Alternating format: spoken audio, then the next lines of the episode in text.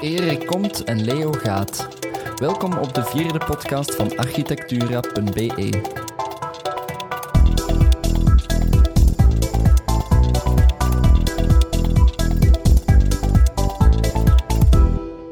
Op de allereerste werkdag van Erik Wiers als nieuwe Vlaamse bouwmeester had architectura.be een gesprek met hem samen met zijn voorganger Leo van Broek. We blikken terug op het veelbesproken bouwmeesterschap van Leo van Broek, maar richten uiteraard ook onze blik naar de toekomst. Naar het bouwmeesterschap van Erik Wiers, dat dus startte precies op de dag dat we deze twee bouwmeesters achter onze podcastmicrofoon plaatsten. Leo van Broek zou Leo van Broek niet zijn als hij niet regelmatig een one-liner uit zijn mouw schudde. Bijvoorbeeld als hij het heeft over de macht of liever de onmacht van bouwmeester. Een bouwmeester moet niet verkozen worden en heeft geen macht. Hij mag alles vertellen, want hij heeft toch niks te zeggen. Erik Wiers hanteert duidelijk een andere stijl. Vanuit een filosofische achtergrond wikt en weegt hij zijn woorden. Maar wie dacht dat hij een totaal andere koers zal varen dan zijn voorganger en minder aandacht zal besteden aan de ruimtelijke en duurzame aspecten, die vergist zich. Dat hij zich zal terugplooien op zijn kerntaken, zoals al enkele keren is aangehaald in de pers, berust volgens hem op een misverstand. Iedereen zegt mij altijd, maar heeft mij nog nooit iemand gezegd dat ik mij moet terugplooien op mijn kerntaken. Trouwens, ik vind op zich al een contradictie, want terugplooien op uw, uw kerntaken zijn hetgeen wat je doet, dan moet je niet terug. Wat was de impact van Leo van Broek als bouwmeester? En wat mogen we nu verwachten van Erik Wiers? Je verneemt het in deze nieuwe podcast van architectura.be. Maar voor we van wal steken met deze bouwmeesters, nog een woord van dank aan onze structurele podcastpartners. Cubus, partner in BIM voor Archicad, Solibri en BIMColab. Assiver, verzekeringsmakelaar gespecialiseerd in polis voor architecten. En Velux, partner in daglichtoplossingen.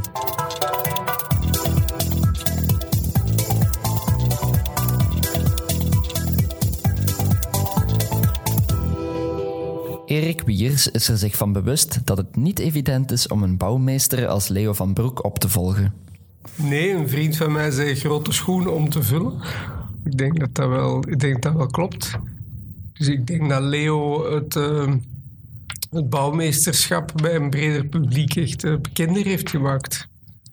Ik was over tijd bij mijn bij mijn huisdokter en die, die vroeg wat ik deed. En ik zei dat ik architect was en dat ik pas de binnenkort bouwmeester werd. En die zei, ja, ik weet sinds de vorige bouwmeester dat ik eigenlijk helemaal fout woon. Want ik, ik stond er helemaal niet, ik was me niet van bewust. Dus uh, er zijn een aantal dingen die gelinkt worden aan duurzaamheid, die voor veel mensen niet duidelijk waren. En nu denk ik wel. Erik vindt het de grootste verdienste van Leo van Broek dat hij de link gelegd heeft tussen duurzaamheid en architectuur.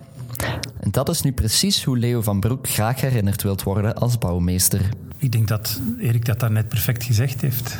Iemand die het belang van onze sector heeft gekoppeld aan duurzaamheid. Vele mensen dachten dat architectuur een, uh, een probleem was van, in het beste geval, de oude, oude misverstanden waren het is esthetiek. En dat is sinds Bob van Reet die zei het gaat niet over mooi, maar over goed. Ging het over maatschappelijke meerwaarde. Maar ik denk dat wij de speerpuntsector zijn van de duurzame toekomst. Het gaat niet over elektrische auto's en over uitstoot. Het gaat over wat wij met de planeet doen. En als die ergens juist of verkeerd behandeld is in het verleden, dan is dat via een ruimtelijke ingreep op haar huid. En dat doen wij. Systeemdenken, dat doen wij. Veranderingsdenken, dat doen wij. De vraag in vraag stellen, dat is onze sector. Leo van Broek was tijdens zijn mandaat prominent aanwezig in de pers en in praatprogramma's. Ook op Radio 1 in Touché bij Friedel Lesage bij het begin van zijn bouwmeesterschap. Toen Friedel hem vroeg over welke eigenschappen een goed bouwmeester nu moet beschikken, zei hij dit. Je moet voldoende onnozel durven zijn om te kunnen blijven dromen. En je moet tegelijk genoeg lucide zijn om te weten dat je daar nooit alles van gaat kunnen realiseren.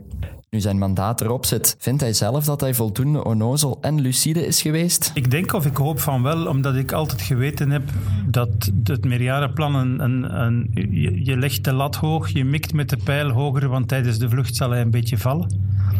Dus ik was altijd al. Ik, ik, heb vroeger gezegd: als ik, als ik een kwart kan realiseren, ben ik blij. Nu, ik heb in mijn meerjarennota nooit gezegd dat we x procent minder verkavelingen, dat we het allemaal willen zien afbreken of zo. Daar heb ik geen doelstellingen over uitgeschreven. Ik heb eigenlijk veel meer gemikt op die bewustwording en op het agenderen van zaken. En tegelijk heb ik altijd geweten van een bouwmeester moet niet verkozen worden en heeft geen macht. Hij mag alles vertellen, want hij heeft toch niks te zeggen. Maar dat is een ideale positie om verder te kunnen gaan, omdat je je kunt opstellen als een bliksemafleider van electorale schade. Ik heb mij met opzet af en toe laten afkatten in de pers, omdat je dan achter de schermen de politiek een beetje afdekt. En dat is ook een beetje de rol van, van de kinderrechtencommissaris en nog zo van die Robin Hood jobs die Vlaanderen creëert. Dat is eigenlijk een, een onafhankelijke wetenschapper, specialist in een bepaalde discipline met erkenning in het veld, die gewoon neutraal zegt, ik heb geen mening, ik geef gewoon oplossingen. Als je minder wilt roken, kun je dat en dat doen. Je levensverwachting wordt gemiddeld zoveel jaar korter. En nu is het aan jullie om te beslissen wat je doet.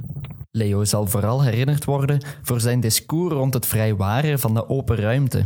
Maar dat wil niet zeggen dat hij enkel op dit vlak actief was.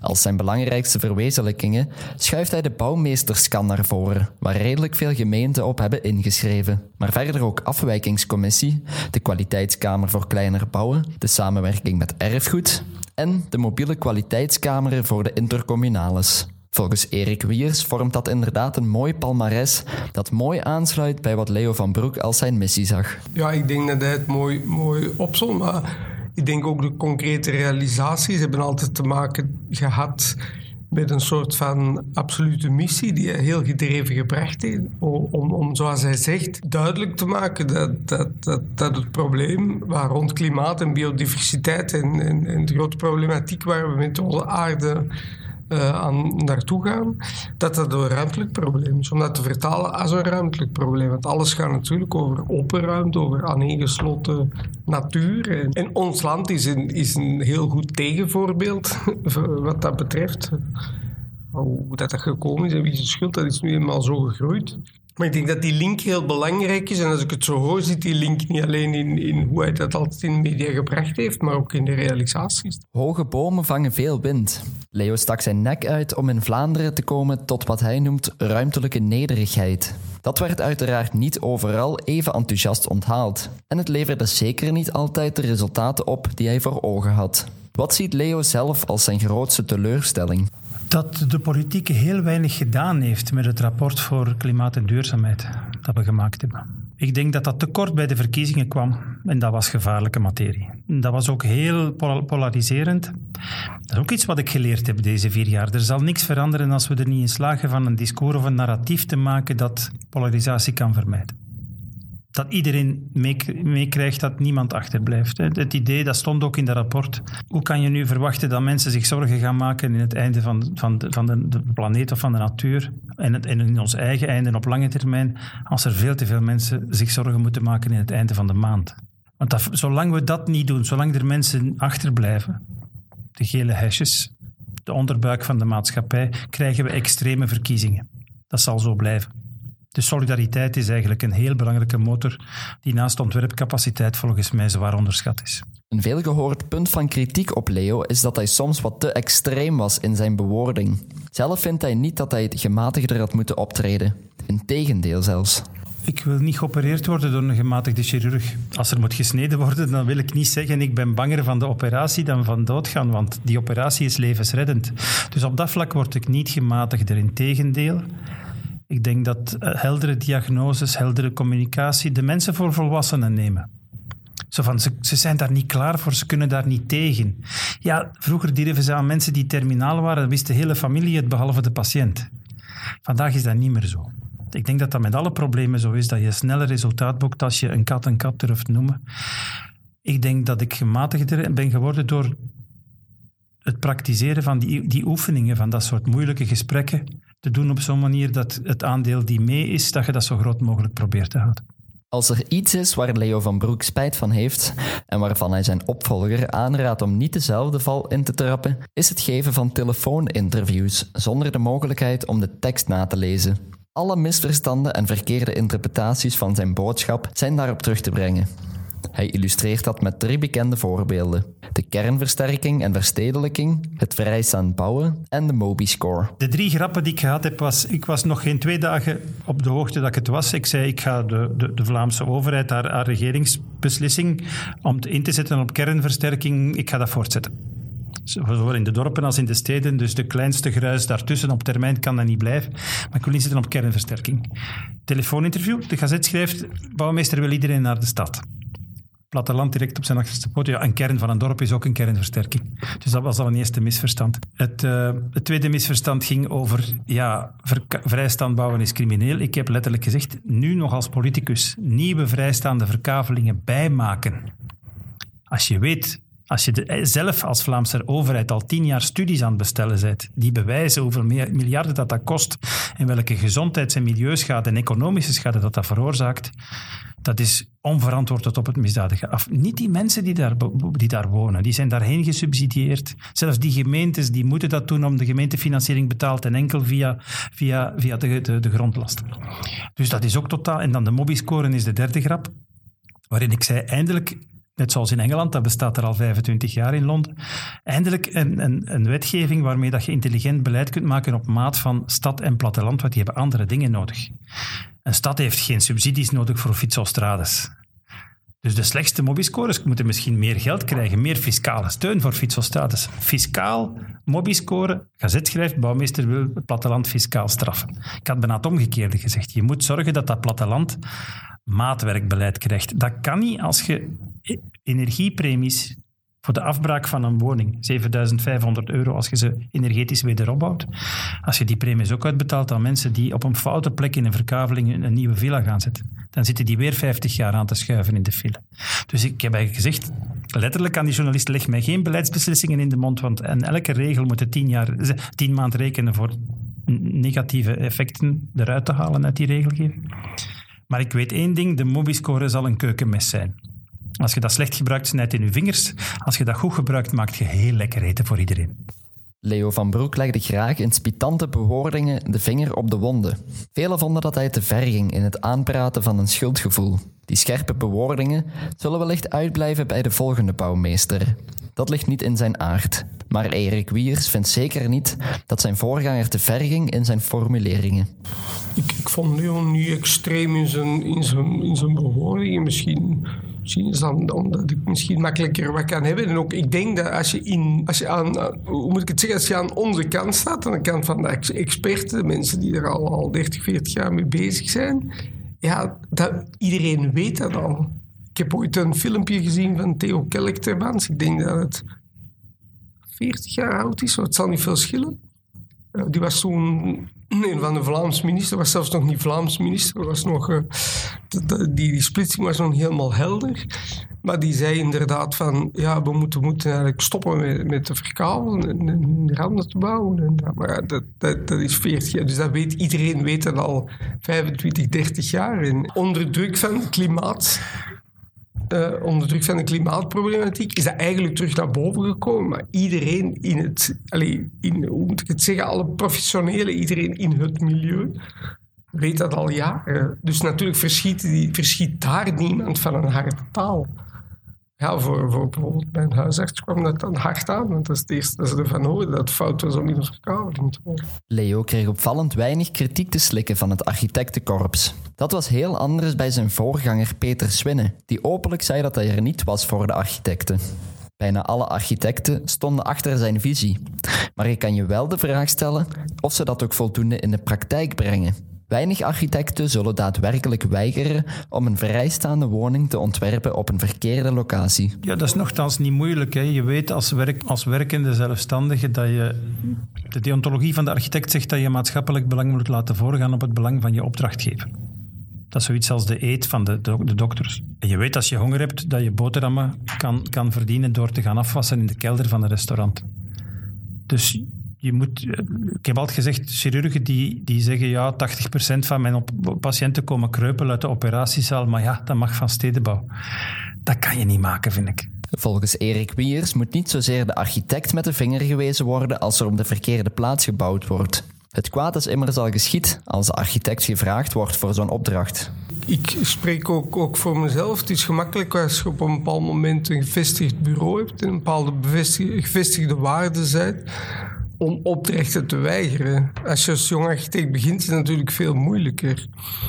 En um, ik weet niet of ik als ik vandaag als architect zou beginnen, of ik zo expliciet zou weigeren om een vrijstaande woning uh, te bouwen. Met ons bureau doen wij dat ook niet. Maar ik zeg je meteen bij, wij kunnen ons ook permitteren van dat, van dat te weigeren. Natuurlijk is het zo dat je nooit als architect probeert die oplossing te promoten. Dat is iets helemaal anders. Als je als architect zo voor een sleutel op de deurfirma gaat werken en dat alleen maar gaat doen. Dat is natuurlijk, ik vind dat je dan deontologisch over de schreef gaat. Maar in een concreet geval van een vrijstaande woning komt de architect bijna aan het einde van de hele lijn. Want heeft, het beleid heeft al beslist dat er op die grond gebouwd kan worden. Er heeft al iemand die grond verkocht aan iemand die daar veel geld voor betaald heeft met het idee om dat als bouwgrond te kunnen benutten. En dan ben je verplicht om een architect te nemen. Ja, dan, dan, dan vind je wel iemand die daar voor een mooie villa op zou bouwen. Je kan natuurlijk zeggen, als alle architecten het zouden weigeren, zou het niet gebeuren. Maar het zou nog beter zijn als die grond van in het begin niet meer te beschikking werd gesteld om op te bouwen.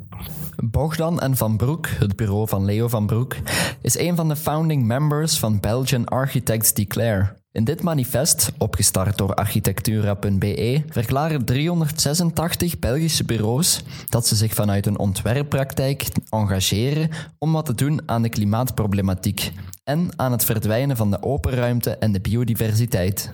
Een mooi aantal, maar er kwam ook kritiek. Nemen deze architecten wel degelijk hun verantwoordelijkheid? Gaat het in veel gevallen niet om window dressing en greenwashing? Ik denk het niet. Ik zie steeds meer bureaus, dat van Erik ook, die dat niet meer doen. En ik kan jullie verzekeren, onze naam is misschien bekend, maar onze cashflow daarom niet. Hè.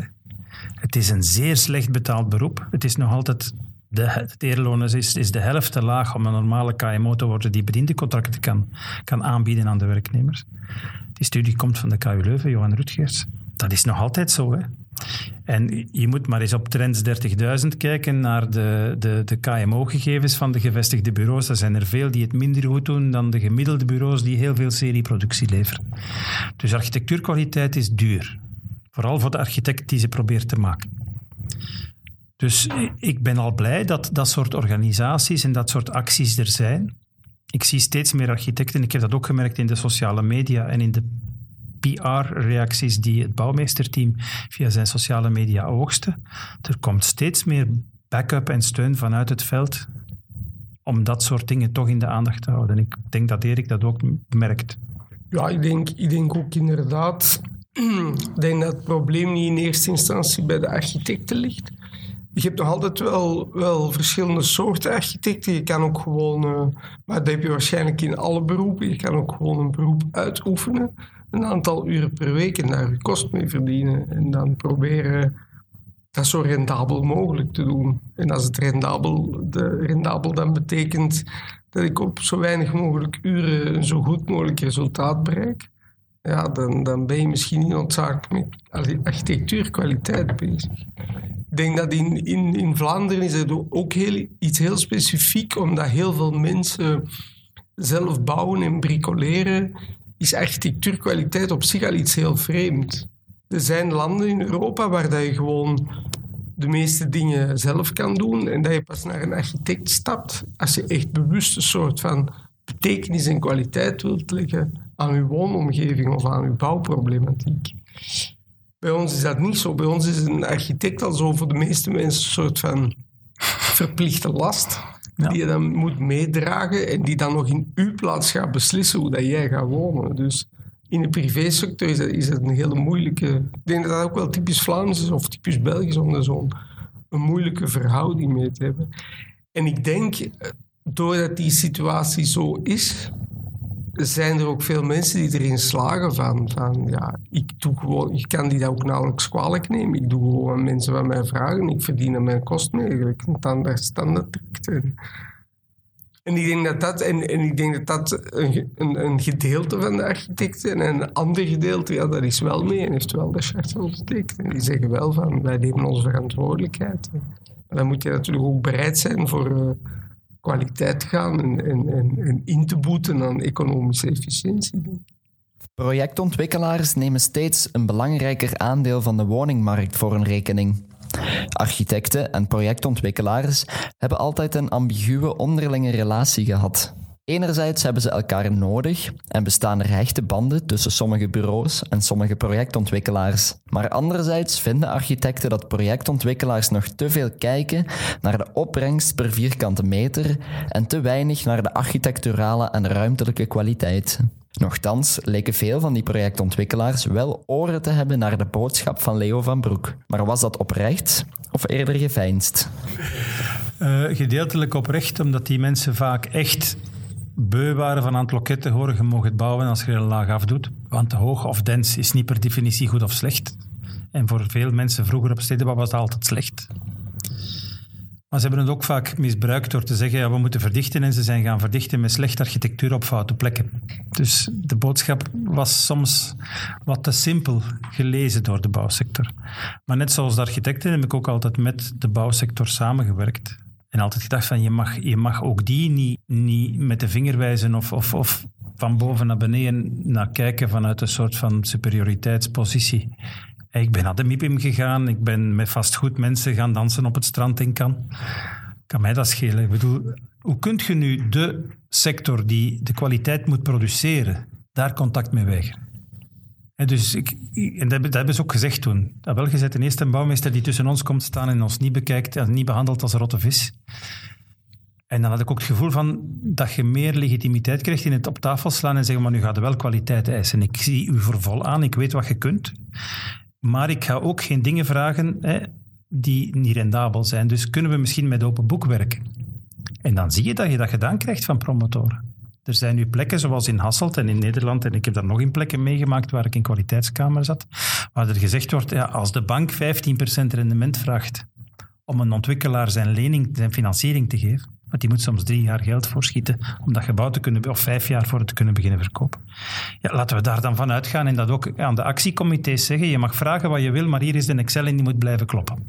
En dan krijg je die promotoren serieus mee aan tafel hoor. Ook Erik Wiers ziet in de projectontwikkelaars een belangrijke gesprekspartner, omdat het voor beide partijen tot een win-win situatie kan leiden. De tijd dat de ontwikkelaars de slechte zijn en de architecten en de gemeentebesturen de goede, is volgens hem verleden tijd.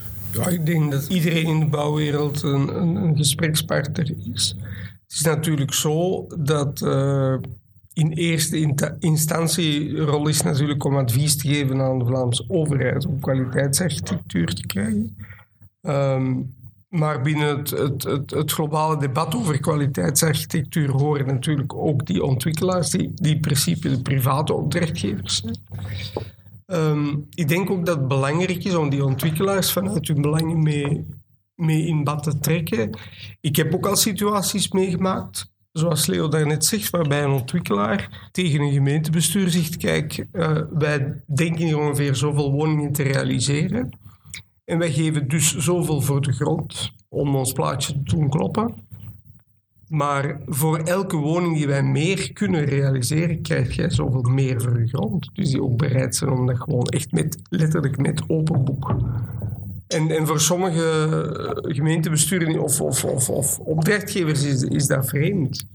Omdat ik denk dat de tijd voorbij is dat de ontwikkelaars de slechte zijn en de architecten en de gemeentebesturen de goede.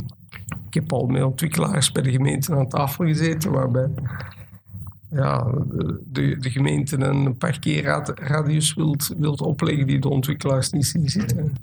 Ik denk dat individueel bouwen niet meer van deze tijd is. Er is niemand die erin slaagt om een kwalitatieve eigen auto te ontwikkelen. Of een kwalitatief eigen gsm-systeem. de uitdagingen zullen we samen moeten, moeten oplossen. En dat is, dat is zeker zo bij wonen. Wonen is, is, is groepswoningbouw. Of dat dan nu op het platteland is of in de stad. En of dat dan nu rijwoningen zijn of appartementen. Dat is veel minder belangrijk dan dat het kwalitatief is, dan dat het lockdown-compatibel is met een lockdown-compatibele publieke ruimte. Maar het moet op grote schaal ontwikkeld worden. Wij moeten allemaal collectief aan het warmtenet. Geen gas en geen mazoet meer. Al die kleine energiecentrales moeten uit al die woningen. Ja, je kunt jij niet als, als, als verkavelingsvlaming je eigen mini-warmtenetje proberen te ontwikkelen. Je, zult, je zult dan samen aan kop van energie moeten gaan doen en al dat soort dingen. Het wordt samenwerken of het, wordt, het zal niet gaan. Leo van Broek was de eerste bouwmeester die ook bekend was bij het brede publiek. Voor vormde het in tegenstelling tot zijn voorganger een evidentie om Jan Modaal te betrekken in zijn visie en zijn strategie. Ik vond dat cruciaal. En dus ik, heb in totaal 250 lezingen en interviews gegeven op die drie jaar en half, bijna vier jaar. Drie jaar en tien maanden. En vaak dan op het einde zei hij, ja maar na die lezing was er dan nog een nabespreking bij, bij Pot en Pint aan een toog van de parochiezaal. En dan zei ze, ja maar dat ik toch wel straf. Ik had dat niet, wat ik over u lees in de krant, dat is niet wat dat jij zegt. Want dit snap ik wel. En ik ga ik volgend weekend toch eens met mijn kinderen samen zitten wat we met onze bouwgrond gaan doen achter de villa, want misschien niet verstandig om die nog vol te bouwen. Dus dan, ik ben ergens uitgejouwd. De kranten dachten van wel, hè, dat ik zo half Vlaanderen tegen mij had.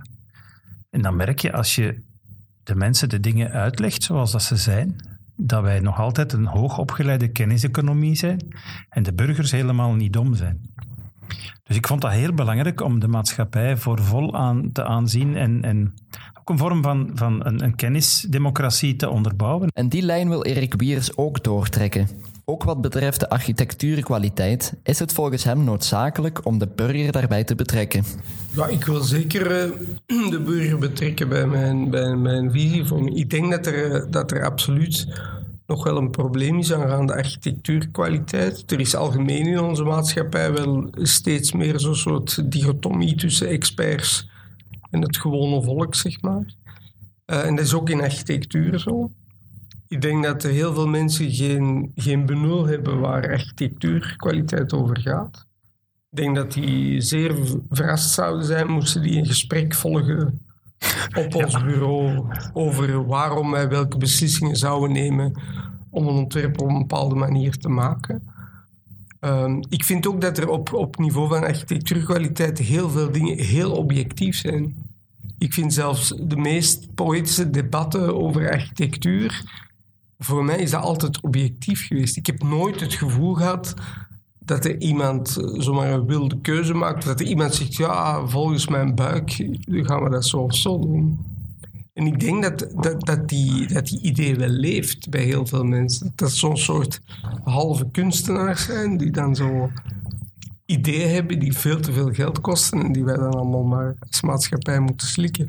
Dus ik denk dat er nog wel heel wat werk te doen is om zo duidelijk te maken waar architectuurkwaliteit nu eigenlijk over gaat. Een belangrijk punt van kritiek ten opzichte van Leo van Broek was dat zijn pleidooi om geen open ruimte meer aan te snijden een averechts effect heeft gehad.